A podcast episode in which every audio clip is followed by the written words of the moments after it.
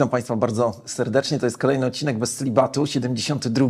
Dzisiaj e, temat na czasie, myślę, że dość kontrowersyjny. Będziemy rozmawiać o Izraelu, ale zanim przejdziemy do sedna, to najpierw przedstawię moich czy naszych gości. Po lewej stronie Filip Kegel. Cześć. I po prawej, jak zwykle, Robert Miksa. Hej. A ja jestem Sławek Zawadzki. Pierwsze pytanie, panowie, które do Was kieruję, jest takie, czy Izrael dzisiaj jest okupantem? Czy dzisiaj jest okupantem, czy w zeszłym tygodniu? Nie, czy, czy, czy w ogóle Izrael jest okupantem na ziemiach palestyńskich? E, no, powiedziałbym, że nie, ponieważ strefa gazy była jakby niezależnym swojego rodzaju państwem, które miało swój rząd, wybrany w jakichś tam wyborach. Co prawda, te wybory były dość dawno. Chodzi mi o to, że. Co więcej, powiedziałbym nawet tak, że biorąc pod uwagę te napięcia, które są e, wewnątrz świata arabskiego i wewnątrz samej gazy, to powiedziałbym, że Hamas jest okupantem gazy. A czy e, Rosja jest okupantem Krymu? E, no tak, oczywiście. Okay. Chodzi mi o to, że w 40, e, zaraz po wojnie, tam w 1947 roku, wtedy, kiedy panowały już niepokoje na ziemi palestyńskiej. Mhm. Te niepokoje wynikały z tego, że e, Żydzi masowo zaczęli zjeżdżać się właśnie na tereny Palestyny. E, Wielka Brytania wycofała się ze sprawowania mandatu pilnowania pokoju. Mhm.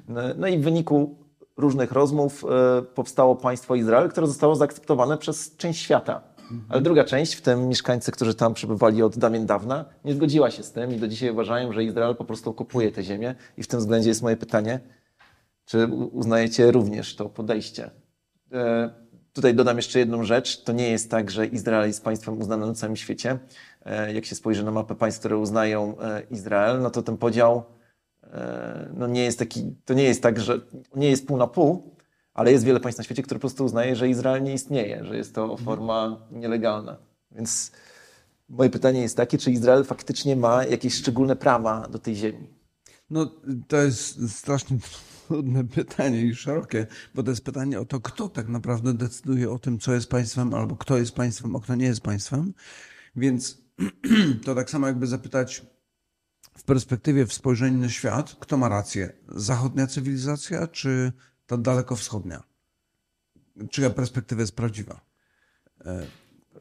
Pytam się jakby ciebie. W tym, w, tym, w tym cywilizowanym świecie, w świecie, w którym no raczej posługujemy się powiedzmy demokracją w tym państwach świeckich, no to raczej spojrzenie jest takie, że ok, uznajemy te wspólne ustalenia ONZ-u w tym wypadku, e, że Izrael po okresie, szczególnie po okresie II wojny, ma prawo do e, istnienia jako samodzielne państwo i to było wspólne ustalenie wielu narodów po to, żeby e, no, oni mogli stworzyć państwo, gdzie będą czuli się bezpieczni.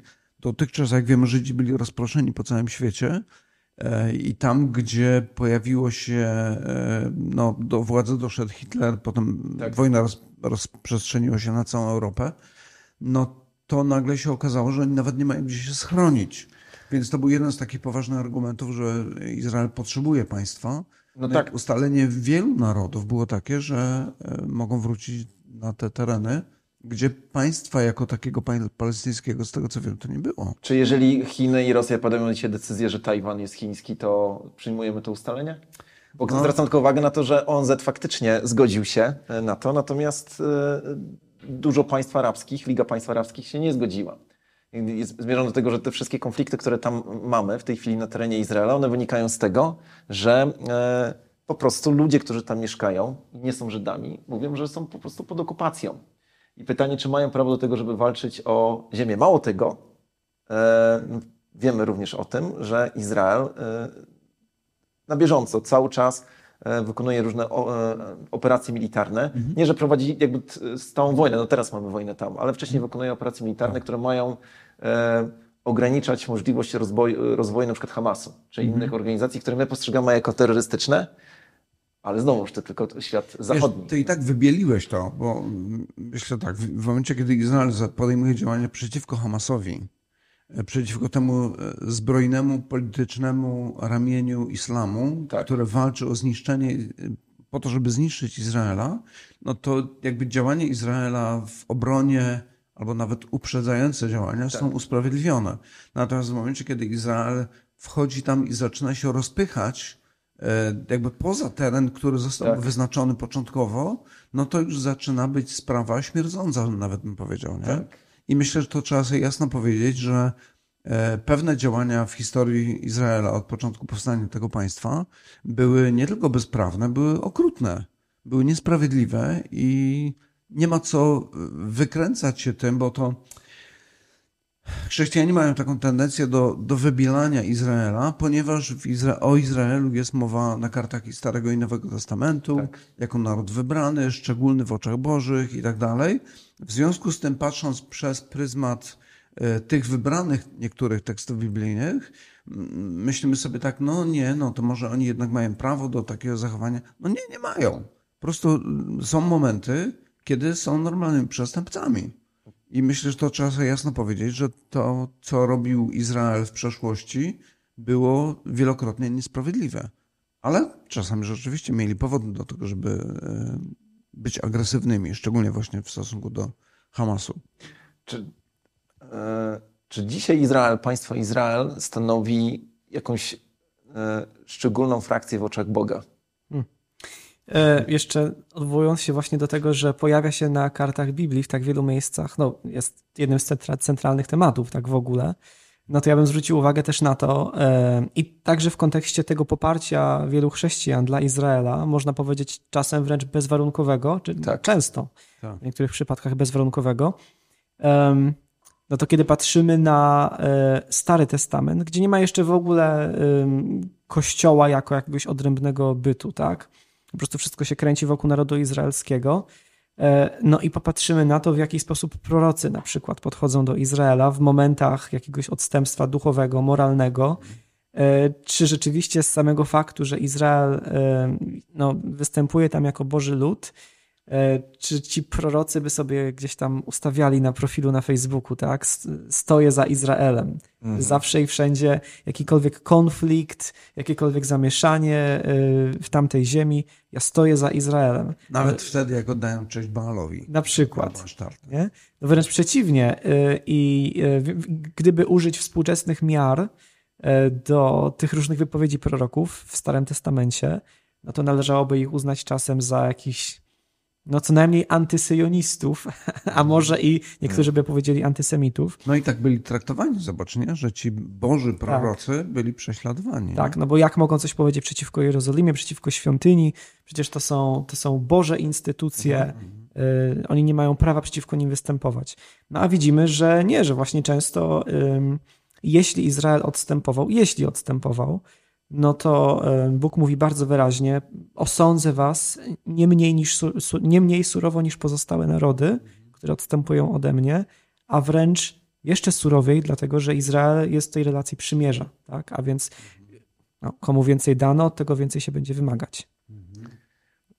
Okej.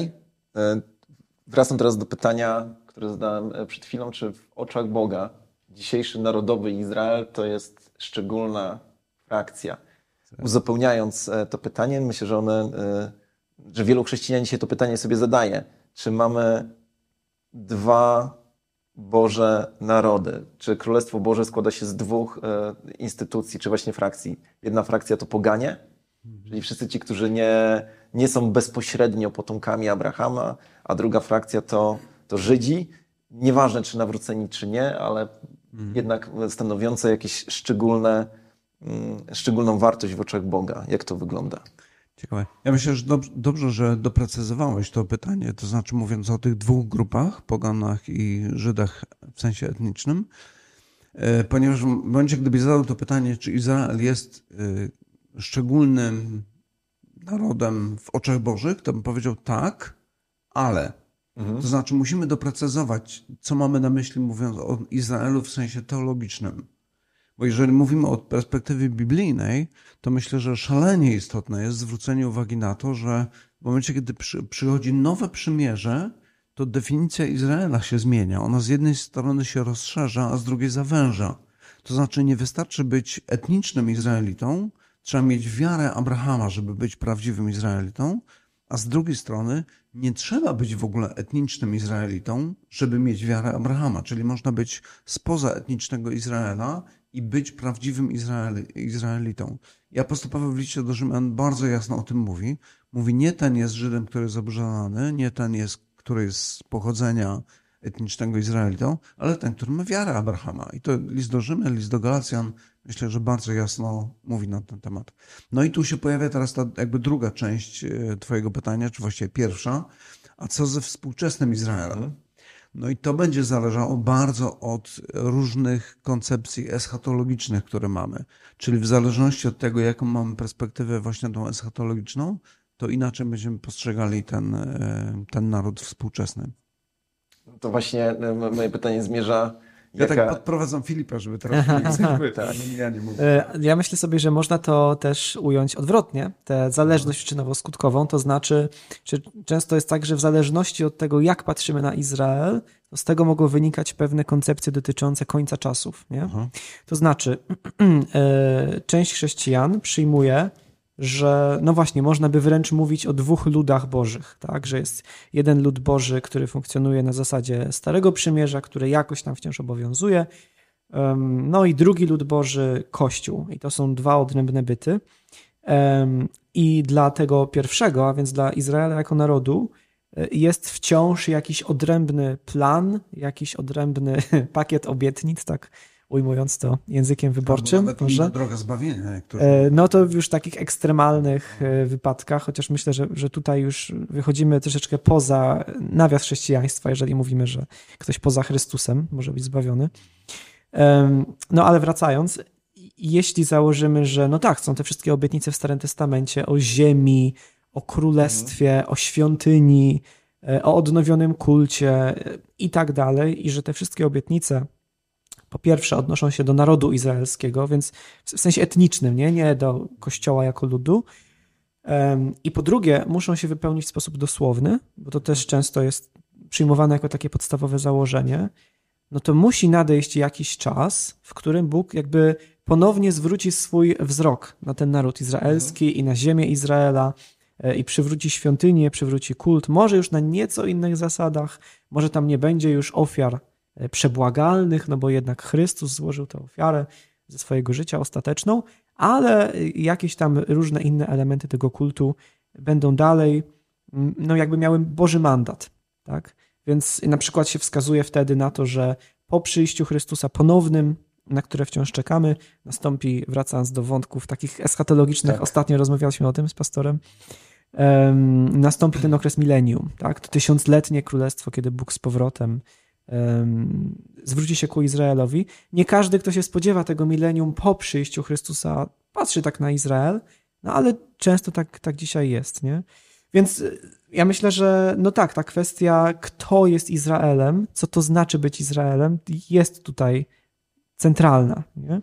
I w liście do Rzymian rzeczywiście widzimy, że Paweł mówi o tym dużo, e, ale myślę też, że widzimy taką równowagę, to znaczy on, równowagę, która troszeczkę wprowadza komplikacje, dlatego że on słowa Izrael, mam wrażenie, używa czasem w jednym znaczeniu, czasem w innym. Tak. Mhm. To znaczy, z jednej strony mówi o tym, że e, owszem, ten jest prawdziwym Izraelitą, czy prawdziwym Żydem, kto, kto ma wiarę Abrahama, nie?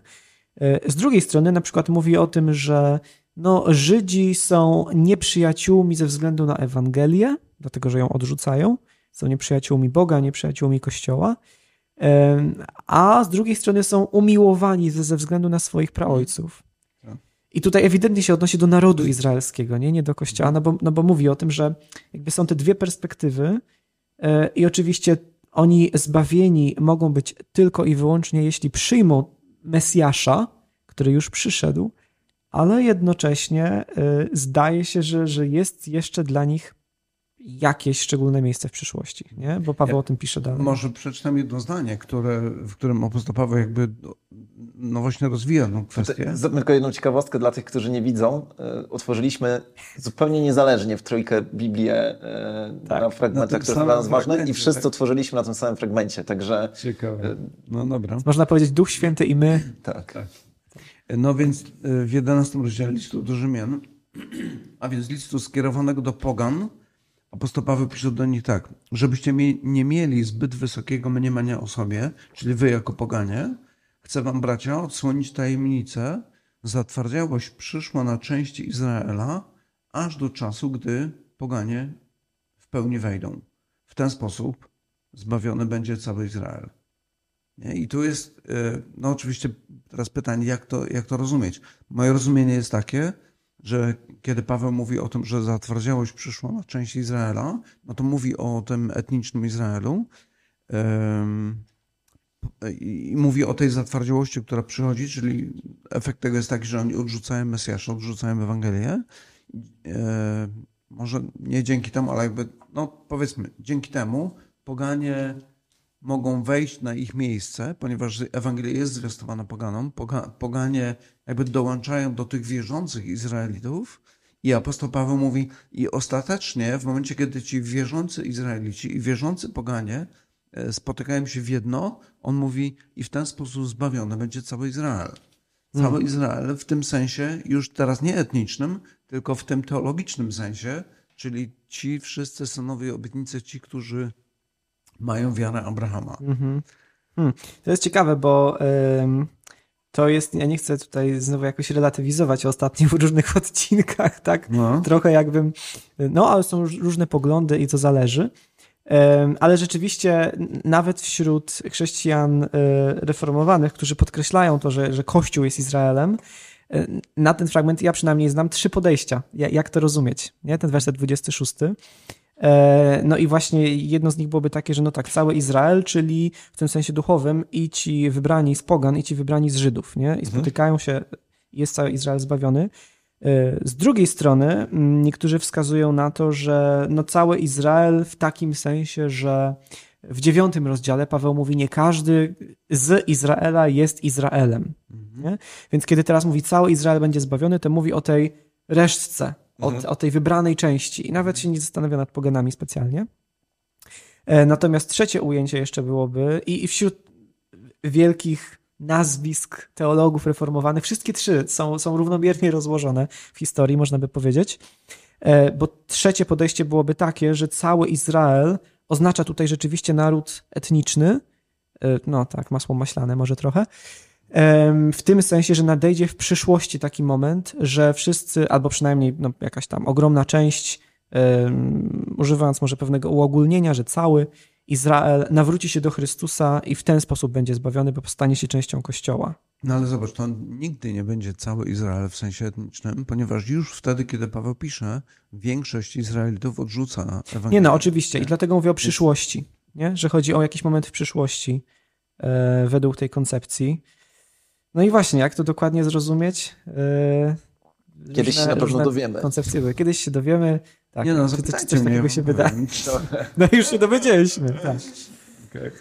Nie no, myślę, że to ma największy sens, ale to wtedy implikuje, zobaczcie, e, nasze spojrzenie na współczesny Izrael.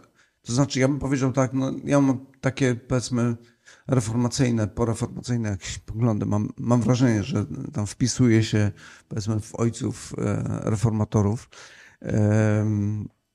spojrzenie właśnie takie, że ten cały Izrael, ta pełnia Izraela, to są zarówno wierzący Żydzi, jak i wierzący poganie, ci, którzy przyjmują Chrystusa. I w związku z tym teraz nasze spojrzenie na państwo, które powstało w 1948 roku, e, to to już nie jest ten Izrael, ten, ten duchowy. Bo zobaczcie, kiedy patrzymy na współczesny Izrael, i myślę, że ważne było to, co, o czym Filip powiedziałeś a propos Starego Testamentu i proroków, którzy napominali Izraelitów, że postępują w sposób bezbożny, to myślę, że dzisiaj mamy dokładnie to samo. Ja bym powiedział nawet, że dzisiaj mamy jeszcze gorszą sytuację.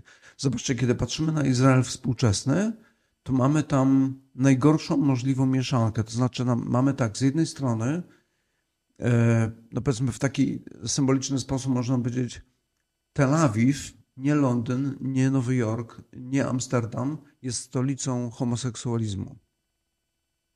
To jest współczesny Izrael. Nie? Z drugiej strony mamy super ortodoksyjnych Żydów, którzy plują na chrześcijan, kiedy przychodzą obok nich. I to są ludzie, którzy odrzucają Chrystusa, odrzucają Ewangelię, odwracają się od przymierza, które Bóg z nimi zawarł i obiecując im przyjście Mesjasza, kiedy Mesjasz przychodzi, oni również plują na Niego i mamy jakby najgorszą możliwą mieszankę. Jeżeli mówimy o tym, że e, niektórzy ludzie relatywizują Ewangelię, a z drugiej strony inni stają się legalistami, no to w obecnym Izraelu mamy jedno i drugie. Mamy po prostu najgorsze, co może być. I teraz, kiedy, kiedy patrzymy z tej biblijnej perspektywy, to ja bym dodał jeszcze jeden element, e, element Królestwa Bożego. W jaki sposób wyobrażamy sobie Królestwo Boże? I apostoł Paweł bardzo jasno, również w liście do Rzymian, mówi, Królestwo Boże to nie pokarm i napój, czyli te wszystkie przepisy, zasady, ale sprawiedliwość, pokój i radość w Duchu Świętym. Więc jeżeli mówimy o współczesnym Izraelu, to on jest na, na ostatniej chyba możliwej pozycji, no, może nie ostatniej, ale jest tak daleko, jak to tylko możliwe od Ewangelii, od tego pokoju, radości, sprawiedliwości, która jest w Duchu Świętym. Więc kiedy myślimy o Królestwie Bożym, niektórzy wyobrażają to sobie w taki sposób, że Królestwo Boże to jest wtedy, kiedy, kiedy Izrael e, ma swoje państwo, zakłada świątynię, przywraca system ofiar nawet, co jest dla mnie w ogóle nie do pomyślenia, ponieważ ten stary okres został zamknięty. Totalnie. Świątynia, Jezus zapowiada to, jeszcze nie minie to pokolenie, aż to wszystko się wypełni, świątynia zostanie zburzona, nie pozostanie kamień na kamieniu, ten system ofiarniczy został skazowany, ponieważ złożona została raz na zawsze doskonała ofiara przez Chrystusa. Więc w momencie, kiedy niektórzy chrześcijanie myślą w taki sposób, ale super, Izrael jest, państwo jest, niedługo świątynia będzie odbudowana, już jest, są przygotowywane specjalny rodzaj zwierząt, które będą składane tam w ofierze. System kapłaństwa jest odbudowywany, ale będzie pięknie, jak będzie. No nie będzie pięknie. To będzie jeszcze większa bezbożność Izraelitów, którzy tym bardziej odwrócą się od Mesjasza. Więc myślę, że ta koncepcja rozumienia Królestwa Bożego też tu jest szalenie ważna. No i co pokazuje, że współczesny Izrael jest tak daleko, jak to tylko możliwe od Ewangelii od Chrystusa. Czy powstanie e, nowego państwa Izrael w 1948 roku, 47 albo 48, czy e, to było wypełnienie jakiejś Bożej obietnicy, czy to był po prostu no, zbieg okoliczności? Już nie Filip teraz mówi.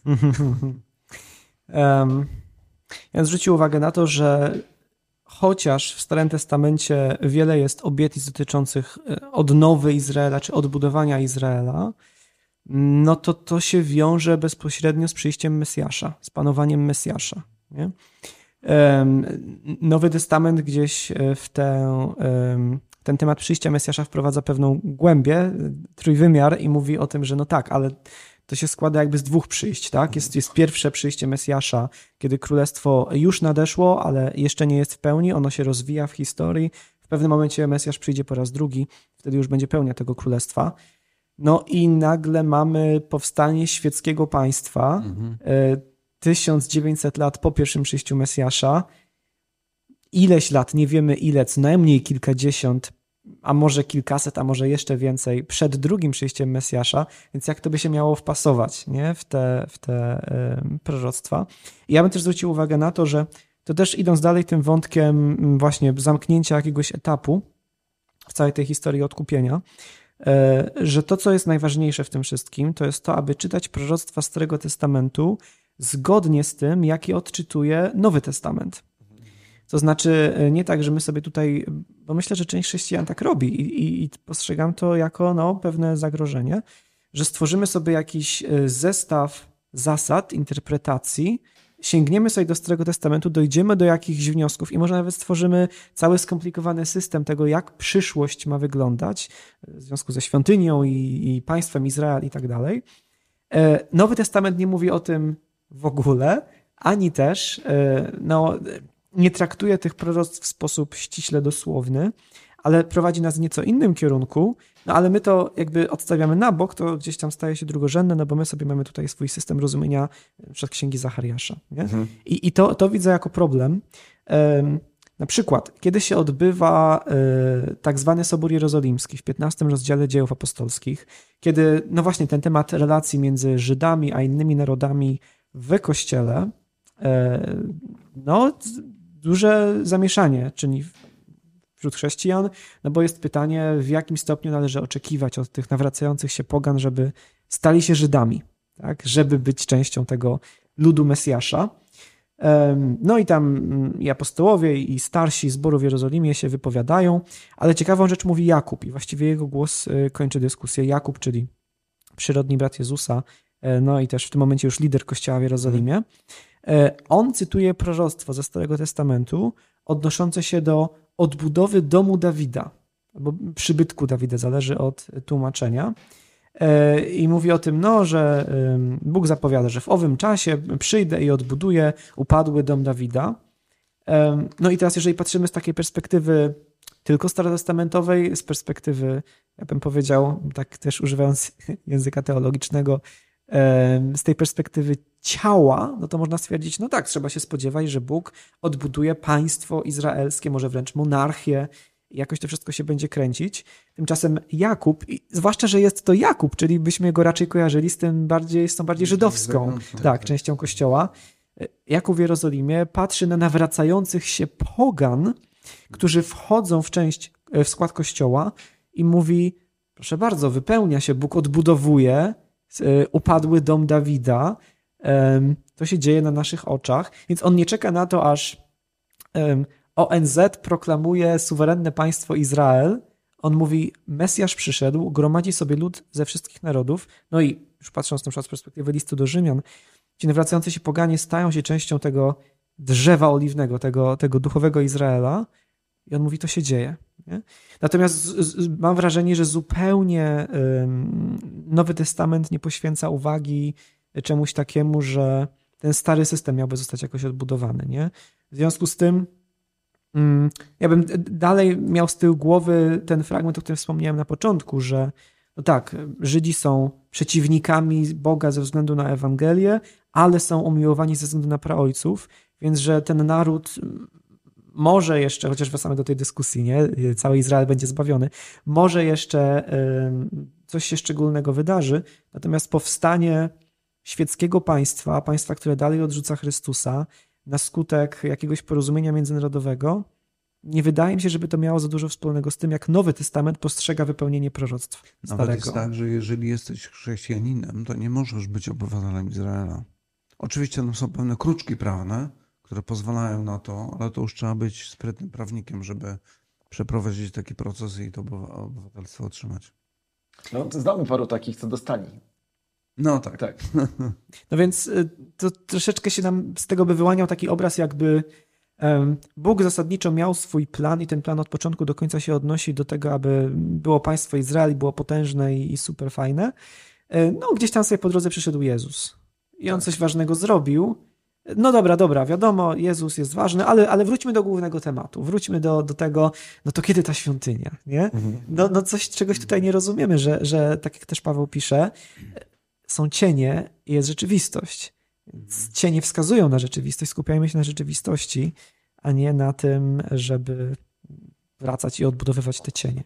Mam jeszcze e, pytanie o znaki końca czasów. E, przejęło się mówić w pewnych środowiskach, że pod koniec czasów dwa wydarzenia, właściwie dwa procesy będą miały miejsce. Pierwsze to masowe nawrócenie etnicznego Izraela, i drugie, e, drugi znak to e, walka etnicznego Izraela z resztą świata. Ja tylko dodam, że w tej chwili chyba je, tylko Arabia Saudyjska z państw arabskich e, nie jest zdecydowana walczyć z Izraelem. Cała hmm. reszta państw zaczyna, i chyba Egipt, chociaż wiemy o tym, że Egipt kiedyś się nie przyjaźnił z Izraelem, teraz chyba te relacje są lepsze, ale generalnie wspólnota państw arabskich myśli o tym, żeby zaatakować Izrael. Przynajmniej tak się mówi. No, to, to jest ciekawa sprawa, ten wątek polityczny i tej y, obecnego stosunku do, do Izraela, ponieważ myślę, że tam Iran głównie miesza i Iran jest głównym, głównym korzystającym z tego, bo... Iran, który się wkurzył, przepraszam za kolokwializm, bo e, dla tych, którzy nie wiedzą, Arabia Saudyjska pod naciskiem e, Stanów Zjednoczonych zawarła sojusz z Izraelem. Tak. I to tak naprawdę zepsuło cały status quo. Ten sojusz już e, trwał do jakiegoś czasu, ale był nieformalny. Tak. No i co robi Iran, żeby skłócić no. Arabię Saudyjską z Izraelem i resztą świata? Wbija klin w postaci finansowania Hamasu. Tak. Po to, żeby, a, a, a dla, jak, jaką korzyść odnosi Gaza? Gaza popełniła w tej chwili samobójstwo. W momencie, kiedy zaatakowała w taki sposób Izraelitów, to to po prostu jest, jest strzał w kolano. No, Więc tak. oni nie korzystają, Iran korzysta. Tak, dokończę tylko ja- jaka jest korzyść polityczna. Korzyść polityczna jest taka, że Stany Zjednoczone są sojusznikiem Izraela i wysłały już e, swoją broń. Największy lotniskowiec w tej chwili jest w tamtym rejonie. No I drugi już chyba płynie.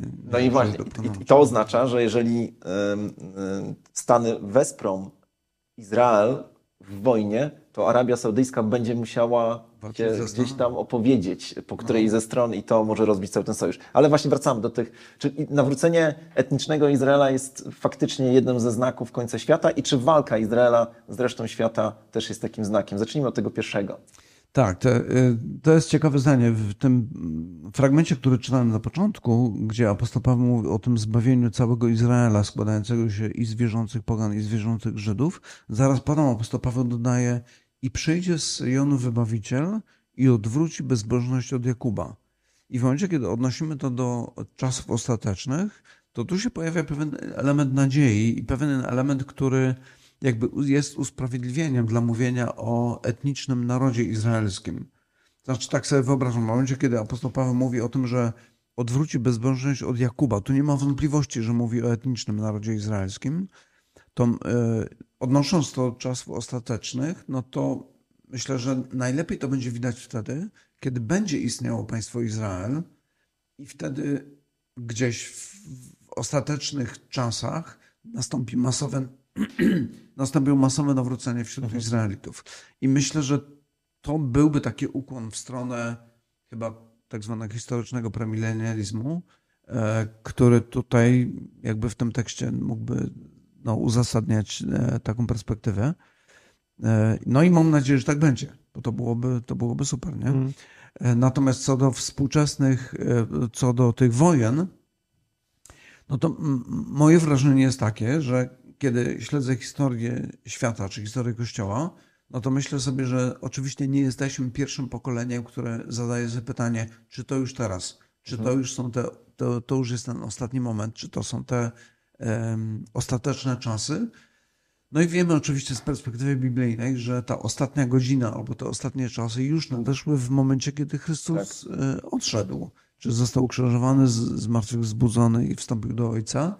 Te czasy są do dzisiaj. I, i, i jedna taka myśl, którą e, kiedyś usłyszałem, ktoś mówi, ciekawe czy to nie jest tak, że Pan Bóg tak prowadzi historię świata, po to, żeby w każdym pokoleniu ludzie żyli z takim przeświadczeniem, że to może już być teraz. To może już być teraz ten koniec, po to, żeby gdzieś tam może bardziej pilnować swoich serc. Jasne. Wracając do, do tego zbawienia etnicznego Izraela, też można by się w tym rozdziale cofnąć troszkę. Kiedy Paweł właśnie mówi o tym, że e, no, Izrael odrzucił Mesjasza, ale wciąż pozostaje ta resztka, która go przyjęła i tak dalej, mówiąc o narodzie tak, Izraela. E, I potem 11.11, Rzymian 11.11 mówi tak.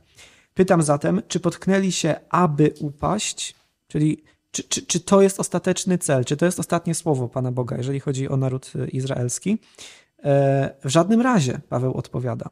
W ich upadku jest zbawienie dla narodów. No i rzeczywiście widzimy, że tak się działo. Znaczy, kiedy Żydzi odrzucali, i to lokalnie się powtarzało w bardzo wielu miejscach, apostołowie idą do jakiegoś miasta, głoszą Ewangelię w synagodze. Większość Żydów ostatecznie tę Ewangelię odrzuca, więc oni stwierdzają, no dobrze, ale Królestwo Boże musi sobie zgromadzić poddanych czy obywateli, więc idziemy do pogan.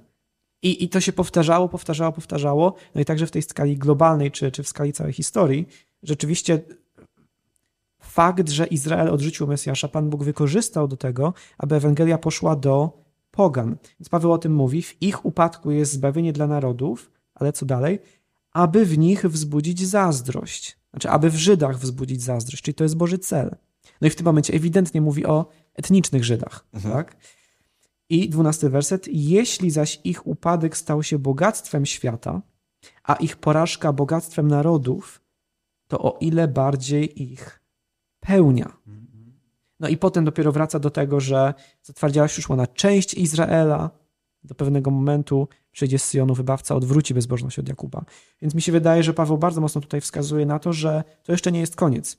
Że oczywiście zatwardziałość Izraela doprowadziła do zbawienia ludzi z wszystkich narodów i to się dzieje na naszych oczach i, i to królestwo rośnie, to nadejdzie moment, najwyraźniej, ja nie wiem jak, jak, jak Paweł to widział, tak, mhm. ale że ci etniczni Żydzi spojrzą na to, że ludzie z całego świata, e, z wszystkich narodów przyjmują ich Mesjasza, dojdą do takiego wniosku i stwierdzą, no nie, my nie chcemy zostać z tyłu. Mhm. Chcemy Ciekawe, też tego Mesjasza przyjąć. w pewnym momencie nawet, e, to teraz ja zwiastując Ewangelię pogan, poganom, mam nadzieję, że wzbudzę zazdrość w sercach Izraelitów, żeby tak. ich pobudzić do wiary. Nie? Więc to jakby składa się wtedy w jedną całość. Nie? Mhm. Okej, okay, a ten wątek, e, chyba że Robert już odpowiedziałeś na to pytanie, ale ten wątek e, inwazji na Izrael. W latach 90. wiem, że było takie przekonanie w kościele, no nie? że to ma być jeden z znaków końca czasów. E, atak na Izrael, reszta świata ma uderzyć, Izrael będzie się bronił i Bóg będzie bronił tego Izraela. E, zakładam, że słyszeliście o takich e, proroctwach. Czy to w ogóle znajduje jakiekolwiek uzasadnienie biblijne? No znowu ja bym wrócił do, do tej myśli um, odczytujmy proroctwa Starego Testamentu tak, jak to robi Nowy Testament. No i czy Nowy Testament o czymś takim gdzieś mówi? Ja nie wydaje mi się. Nie? Jest, jest jeden wątek w Apokalipsie, więc może za jakieś półtora roku tam przejdziemy w serii kazań. To jest dobry moment, żeby tutaj zrobić właśnie lokowanie produktów. Zachęcamy do tego, żeby słuchać kazań Filipa i Roberta. Filip e, tak. co drugi tydzień mniej więcej mówi kazania z Apokalipsy. Mało kaznodziejów w historii świata zdecydowało się na ten ruch, także zapraszamy. I przy okazji pamiętajcie o tym, żeby subskrybować nasz kanał, dać łapkę w górę i skomentować ten odcinek. Filip, kontynuuj. Um, więc jest w Apokalipsie taki wątek mówiący o tym, że ach, no tutaj oczywiście otwieramy 10 szafek naraz, ale że kiedy zakończy się Królestwo Tysiącletnie, jakkolwiek by go nie rozumieć, no to szatan poprowadzi wojska narodów i one otoczą miasto umiłowane, tak? I to zdaje się jest jakaś kontynuacja wątków um, starotestamentowych, no ale właśnie, co jest tym miastem umiłowanym? Czy to jest ta ziemska Jerozolima, czy może raczej nie jest to ta nowa Jerozolima, ta oblubienica baranka? No, nie chcę teraz bardziej w to wchodzić, bo byśmy siedzieli dwie godziny, ale tak czy inaczej, Nowy Testament zapowiadając powtórne przyjście Jezusa i nawet różne znaki, które mają je zapowiadać, zdaje się, że nic nie wspomina o, o tym, co ma się dziać ziemi palestyńskiej w związku, nie wiem, z Arabią Saudyjską czy, czy z Iranem. Nie? To Aha. po prostu zupełnie nie jest y, przedmiotem uwagi Nowego Testamentu. No dobrze, panowie, no to jakby chciałbym to jakoś podsumować. To kto jest dzisiaj tym prawdziwym Izraelem? E, tak, wracając do tego wątku właśnie, no co już jakoś tam wybrzmiało, nie? że Kościół, że Kościół jest Izraelem w sensie duchowym. Um, ale skąd to się właściwie bierze? No bo patrzymy na Biblię, mamy jakiś konkretny naród, a, a, nagle my mamy wchodzić w skład tego narodu, przecież pochodząc, będąc innej narodowości. O to tutaj chodzi.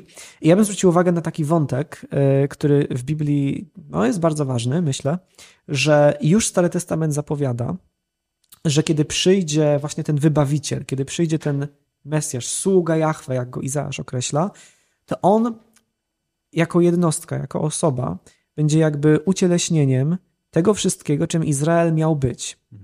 I to jest bardzo ciekawe, kiedy się patrzy na, na przykład na pewne fragmenty z Izajasza, gdzie mm, jest mowa o właśnie tym słudze Jahwe i on bywa określany y, mianem Izraela po prostu, no i w tym momencie niektórzy stwierdzają, aha, no zwłaszcza jeżeli jakoś tam się odżegnują od chrześcijaństwa, mówią, no tak, no czyli tym sługą Jahwe, sługą Pana po prostu miał być naród izraelski, który odegra jakąś szczególną rolę w świecie. I, i wszystko jasne. No nie do końca, dlatego że y, to samo pojęcie tego sługi Jahwe pojawia się w takich miejscach, gdzie jest powiedziane, Bóg mówi, to za mało, że jesteś mi sługą, aby podźwignąć synów Jakuba, y, będziesz też światłem dla narodów. Czyli e, Bóg się zwraca do tego swojego tak. sługi, którego nazywa Izraelem i mówi, ty zbawisz Izraela, Izraelu, ale zbawisz też pogan. Więc e, jest tutaj jakaś taka, takie jakby drugie dno, nie? Mhm. Że, że ten e, sługa Jahwe, ten Mesjasz, tak już możemy go określić, będzie tym, czym Izrael miał być. I potem, kiedy przechodzimy do Nowego Testamentu, to się okazuje, że ewangeliści tak Jezusa przedstawiają. I najwyraźniej to widać w Ewangelii Mateusza. No bo co jest od początku w Ewangelii Mateusza? E, Jezus trafia do Egiptu. E, kiedy jest malutkim dzieckiem, e, ucieka razem z Marią, z Józefem przed gniewem Heroda. No i kiedy potem wraca już do ziemi izraelskiej, to Mateusz mówi: I tak się wypełniły słowa proroka zapowiadającego: Z Egiptu wezwałem mojego syna. Mhm. Jest cytat z Ozeasza, i w księdze Ozeasza on się odnosi do narodu izraelskiego. I po prostu do tego, że Mojżesz wyprowadził Izraela z Egiptu, tak, tysiące lat wcześniej. Ale Mateusz, oczywiście znając Stary Testament i wiedząc, że jego odbiorcy znają Stary Testament, popisze do Żydów, on nie ma problemu z tym, żeby zacytować to proroctwo, znaczy nawet to nie jest proroctwo u Ozeasza, po prostu słowa, werset z tej księgi i powiedzieć, to się ostatecznie wypełniło w Chrystusie. Hmm. Czyli tak jakby w Chrystusie ta historia Izraela się powtarza, ale tam, gdzie Izrael zawiódł, tam Chrystus przychodzi i to robi. I to robi, tak. nie? Potem widzimy, że on przechodzi przez wodę, zostaje ochrzczony w Jordanie i następnie po przejściu przez wodę zostaje wyprowadzony na pustynię, przez, na, gdzie jest mhm. przez 40 dni i jest poddawany próbie. Jak tak jak Izrael po przejściu przez Morze Czerwone poszedł na pustynię na 40 lat i był poddawany próbie. I można by wskazać jeszcze na, na kolejne elementy, ale w tym wszystkim widać, że Chrystus wy, wypełnia sam w sobie to, czym Izrael miał być. I na tej właśnie podstawie potem E, apostoł Paweł może powiedzieć na przykład, tym obiecanym potomkiem Abrahama, tym potomstwem, które było już w Księdze Rodzaju zapowiedziane, jest zasadniczo Chrystus. I jeśli zawierasz się w Chrystusie, to jesteś potomkiem Abrahama, jesteś wypełnieniem obietnicy, nie po prostu dlatego, że, tak jak się czasem przedstawia to karykaturalnie, Bóg odrzucił Izrael i zastąpił go kościołem. I się mówi o teologii zastąpienia. Nie, nie, nie. Przychodzi Chrystus, on wypełnia to, czym Izrael miał być. I teraz, jeżeli jesteś w Chrystusie, w prawdziwym Izraelu, tym z księgi Izajasza, no to jesteś Izraelitą. Mhm. I to jest jakby ta teologiczna czy duchowa podstawa tego przekonania, że tak, my dziedziczymy obietnicę, my jesteśmy potomstwem Abrahama dzisiaj. Ja bym dodał do tego jeszcze e, ten fragment, gdzie Jezus mówi o krzewie winnym. To bardzo znana historia. E, I ona zaczyna się takimi słowami: Ja jestem prawdziwym krzewem winnym. Przecież to jest określenie, które dotyczyło Izraela. Tak. tak. I Jezus mówi, że to ja jestem tym prawdziwym Izraelem. I myślę, że cały ten wątek, o którym teraz Filip mówił, jest szalenie ważny. E, szczególnie wtedy, kiedy zaczynamy rozmawiać na temat, te, e, na temat wielu kwestii związanych ze Starym Testamentem czy prawem Starego Testamentu.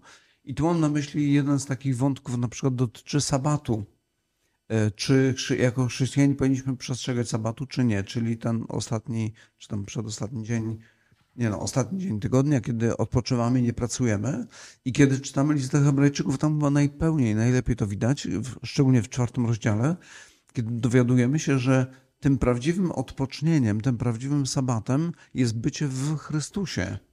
I w, w tym momencie jakby całe te dyskusje na temat tego, czy przestrzegać dzień sabatu, czy nie przestrzegać, w ogóle nie mają znaczenia żadnego. Ponieważ kluczowe jest to, żeby być w Chrystusie, będąc w Chrystusie, jesteś w sabacie.